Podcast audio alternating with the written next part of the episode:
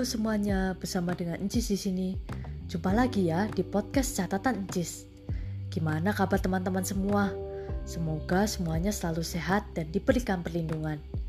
Nah, hari ini kita akan membahas tentang apa saja ya kebiasaan kecil untuk mengurangi jumlah kalori.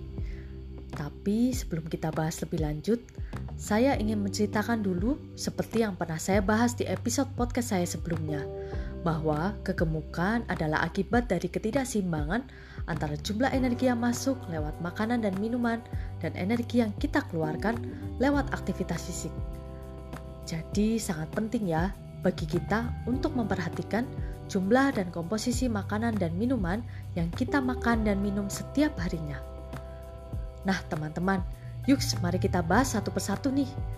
Apa saja ya kebiasaan kecil untuk mengurangi jumlah kalori? Yang pertama, hindari makanan bertepung. Ayam kremes, ayam geprek, ikan filet yang ditepungin, mendoan. Waduh, siapa sih yang gak suka? Hayo teman-teman, saya juga suka.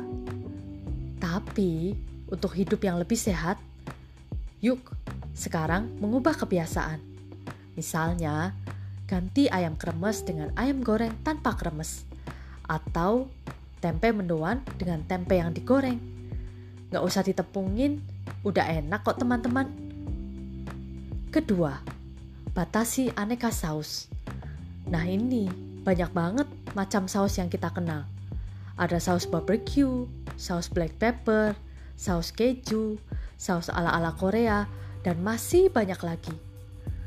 Nah, satu kebiasaan yang baik adalah dengan memisahkan saus dan cukup dijadikan cocolan saja ya.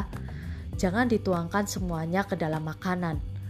Karena saus yang kita makan dalam jumlah yang banyak juga mengandung tambahan-tambahan yang lain loh seperti gula dan tepung pengental. Ketiga, tidak memakai topping ini lebih baik. Yuk hidup sehat dengan makan salad, apalagi kalau cuaca lagi panas kayak di Semarang ini Makan salad jadi seger rasanya.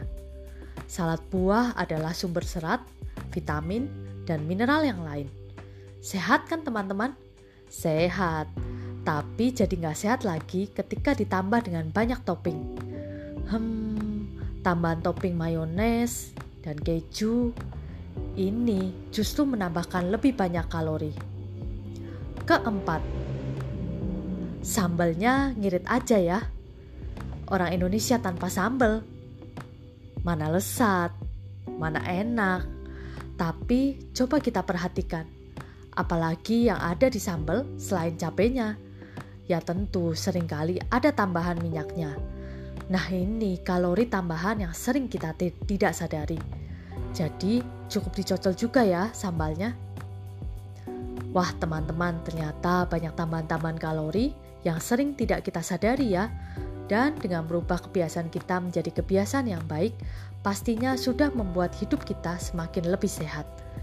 Yuk, mari kita sama-sama belajar untuk terus memperhatikan pola makan dengan mengatur jumlah dan komposisi makanan yang benar. So, eat right, keep active, and stay healthy. Sampai jumpa.